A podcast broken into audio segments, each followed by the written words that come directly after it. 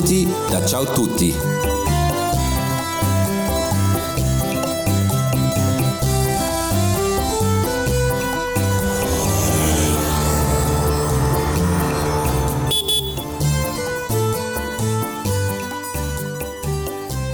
Welkom bij Ciao Tutti's podcast. In deze aflevering neem ik je mee op safari in Firenze, of Florence zoals we in Nederland zeggen. Want naast de beroemde Duomo met zijn indrukwekkende koepel, de Ponte Vecchio en Michelangelo's David, vind je midden in Florence ook een bijzondere beestenboel. Ga je mee op zoek naar zeilende schildpadden, brullende leeuwen en een zwijntje dat geluk brengt?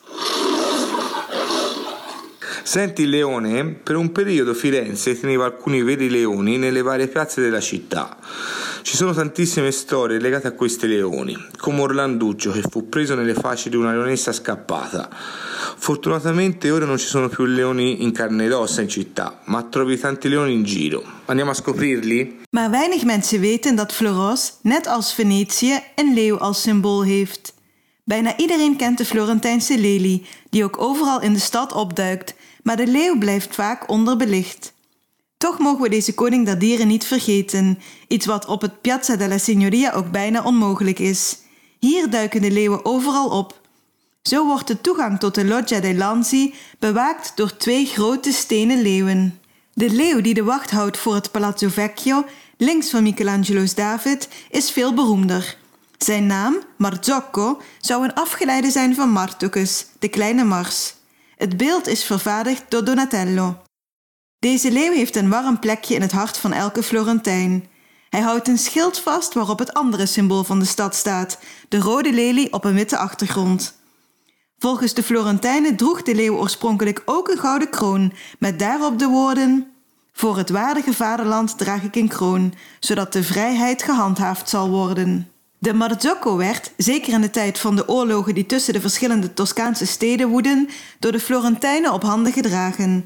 Tijdens een van de oorlogen tegen Pisa dwongen ze de Pisaanse krijgsgevangenen zelfs om het achterwerk van de Marzocco te zoenen. Dat was pas een overwinning. Eerder waren er echter al andere leeuwen in de stad, echte leeuwen wel te verstaan, zoals Federico net al vertelde. In de 13e eeuw liepen die eerste ijsberen in een grote kooi tegenover de doopkapel. Later verhuisden ze naar het Piazza della Signoria, waar nu de Loggia da Lanzi staat, rook het in die tijd naar leeuwen. Cosimo il Primo vond het echter maar niets, dus toen hij zijn intrek nam in het Palazzo Vecchio, zo rond 1540, liet hij de leeuwen weghalen. Ze verhuisden naar grote kooien achter het palazzo. De naam van de straat achter het Palazzo Vecchio, Via dei Leoni, herinnert nog altijd aan deze periode. Over deze echte leeuwen doet overigens nog een bijzonder verhaal de ronde. Het kon natuurlijk niet uitblijven dat er eentje ontsnapte. Een onachtzame bewaker, een hongerige leeuw, je kunt je de paniek in de stad wel voorstellen. De leeuw maakte rustig een ommetje door de straten rondom het Palazzo Vecchio. In de Via della Nina zat een jongetje van een jaar of één, Orlandino genaamd, te spelen. Hij keek op en zag een reusachtige poes. Hij keek het dier gefascineerd aan, zich niet bewust van enig gevaar. Zijn moeder zag op afstand de leeuw steeds dichter naar haar zoontje toewandelen en bestierf het van angst. Gelukkig had de leeuw geen kwaad in de zin. Hij tilde Orlandino voorzichtig op en bracht hem naar zijn moeder. De leeuw werd gevangen en het kindje werd onthaald als een kleine held. Het kreeg van de signoria, de toenmalige gemeenteraad, een enorme som geld, zodat het later zou kunnen gaan studeren. De kleine Orlandino groeide op en werd de stamvader van het Florentijnse geslacht Leoni, waarvan de afstammelingen nog steeds graag dit bijzondere verhaal vertellen. Boven de ingang van het Palazzo Vecchio, net achter Michelangelo's David, zie je ook twee leeuwen schitteren. Un altro famoso leone è quello in cima alla Torre di Arnolfo, del Palazzo Vecchio. Tale zampe se ne con il Giglio di Firenze come indicazione della direzione del vento. I fiorentini dicono che quando il leone pisce in Arno c'è acqua, cioè che pioverà quando il leone è rivolto verso l'Arno. Federico wijst omhoog naar de leeuw die op de toren van het Palazzo Vecchio prijkt en dienst doet als windvaan. Een Florentijns gezegde luidt dat wanneer de leeuw in de Arno plast, als hij dus richting de Arno wijst, er grote kans op regen is. De toren zelf dankt zijn naam aan een ander dier. Hij wordt ook wel de Torre della Vacca genoemd, de toren van de koe, omdat het geluid van de klok volgens de inwoners van Florence aan het geluid van een koeienbel doet denken.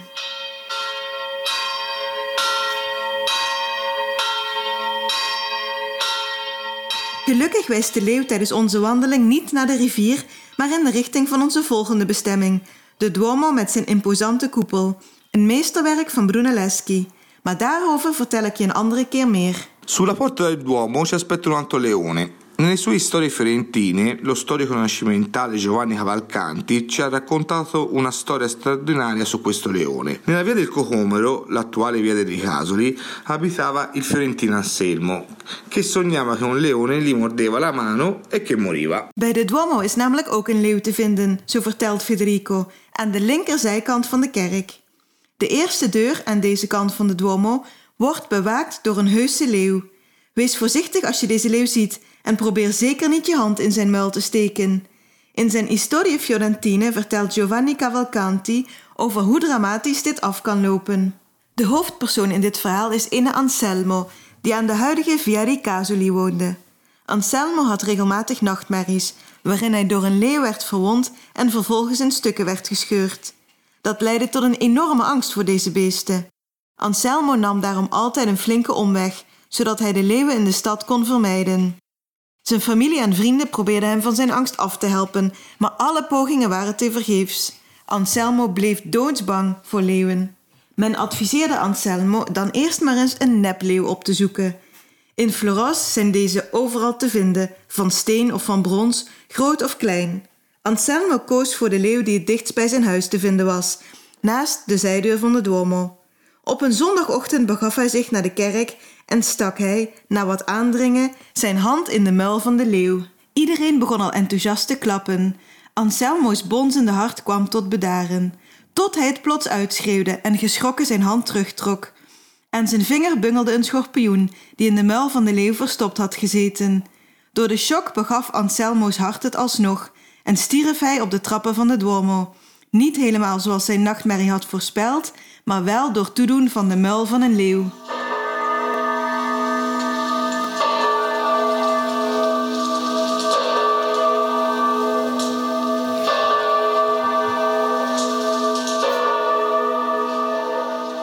Bella storia, eh? E lo sai come diciamo sempre? Se non è vero è ben trovato. Ma guarda lassù, vedi la testa di una mucca? Si dice che possa lì come ricorda gli animali che erano impegnati per trasportare il materiale per la realizzazione della cattedrale.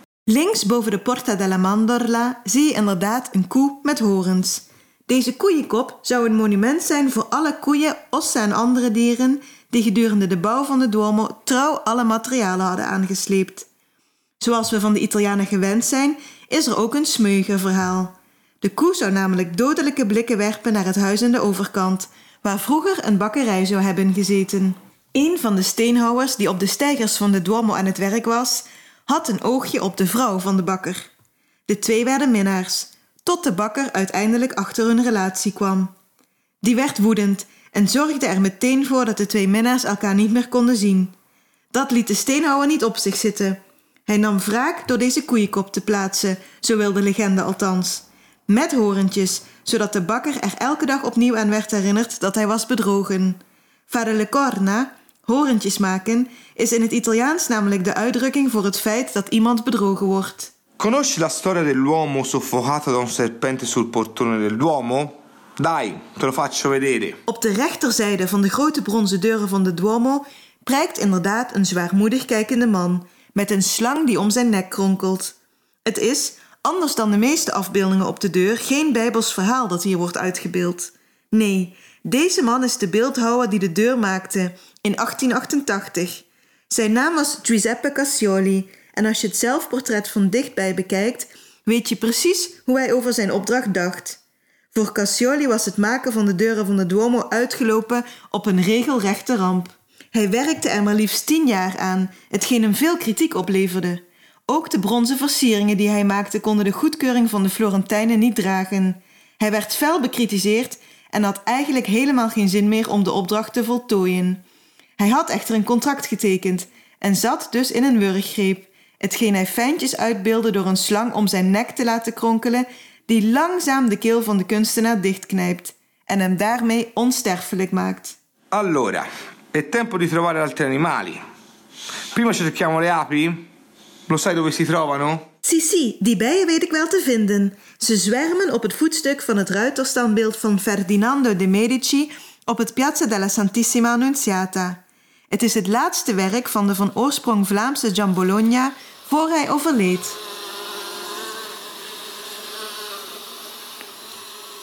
Ferdinando werd overigens niet helemaal door Gian Bologna voltooid.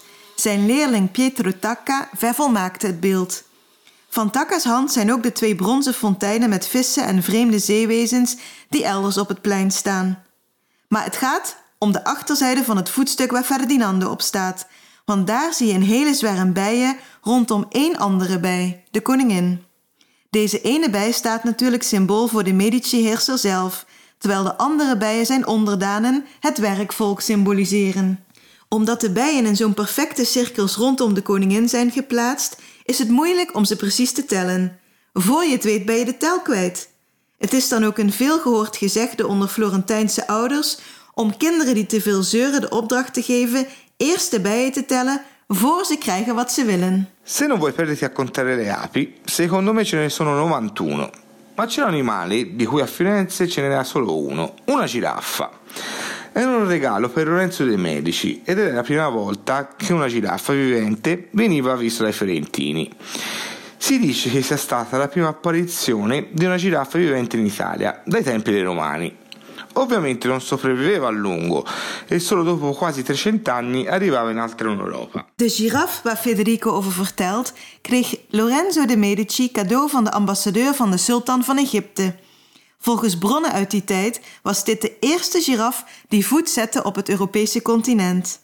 Het moment waarop Lorenzo de giraf cadeau krijgt is vastgelegd op een fresco van Giorgio Vasari en zijn leerling Marco da Faenza in Lorenzo's kamer in het Palazzo Vecchio. Hoe groot de sensatie toen was, kun je je wel voorstellen. Niemand had ooit zoiets gezien en nooit kunnen bedenken dat er op een ander continent zo'n andere beesten leefden. De giraf is ook afgebeeld op Domenico Ghirlandaio's Adorazione dei Magi in de Cappella Tornabuoni in de Santa Maria Novella. Als je goed kijkt, zie je het exotische dier rechtsachter heuvelopwaarts lopen. Het beeld van de giraf verspreidde zich daarna ook buiten Florence. Filippino Lippi schilderde het exotische dier bijvoorbeeld op een fresco in de Santa Maria sopra Minerva in Rome. Direct achter de apostelen die aan de rechterzijde staan, trekt een stoet bijzondere dieren voorbij. Ook voor de Romeinen was de giraf nog iets nieuws, een wonderlijk beest dat ze met open mond aanschouwden. Sulla piazza davanti alla basilica di Santa Maria Novella puoi trovare altri animali, piccoli però.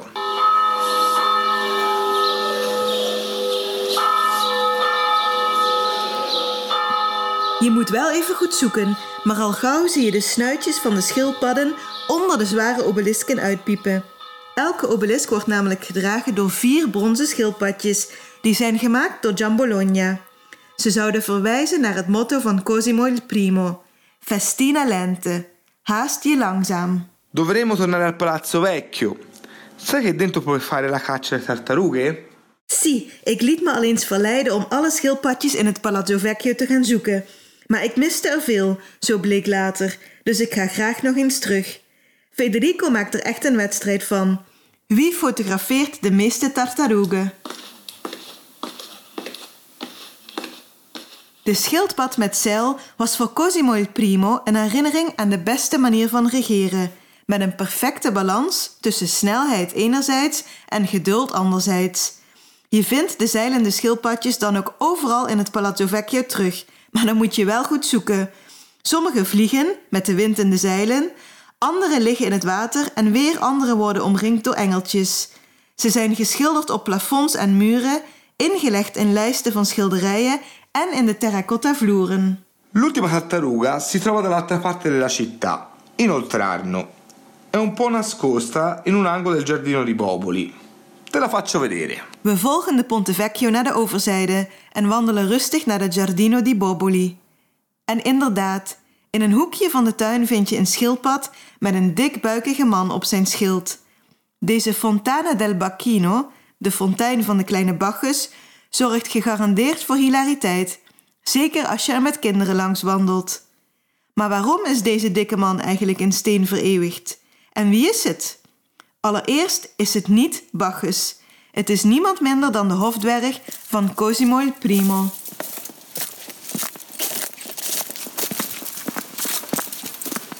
Deze dwerg heette Braccio di Bartolo, maar werd meestal Morgante genoemd.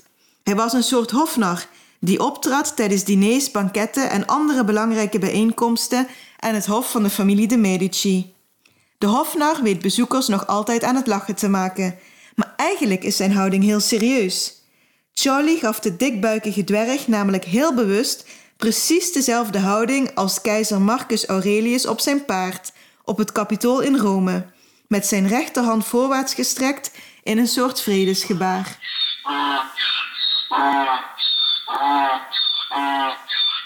Senti l'asino?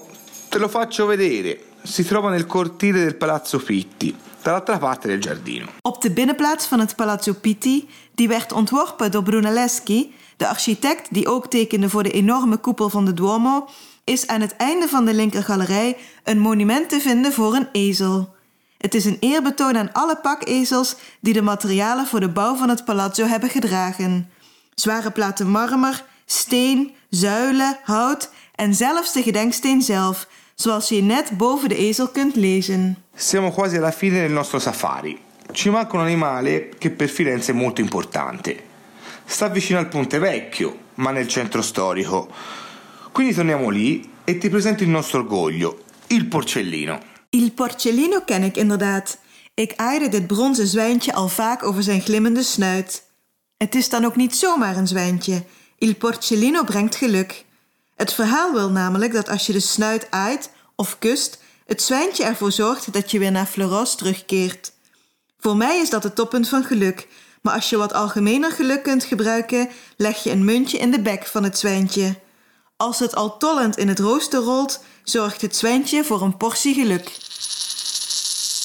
Buona fortuna! Grazie voor het luisteren naar deze Florentijnse safari. Heb je genoten van alle mooie verhalen? Laat het dan weten via een recensie in je favoriete podcast-app of via onze social media kanalen. Ben je op zoek naar meer tips voor Florence of voor andere plekken in Italië? Kijk dan ook eens op ciaotutti.nl en laat je betoveren door de mooiste verhalen over Il Bel Paese. Alla prossima, tot de volgende keer!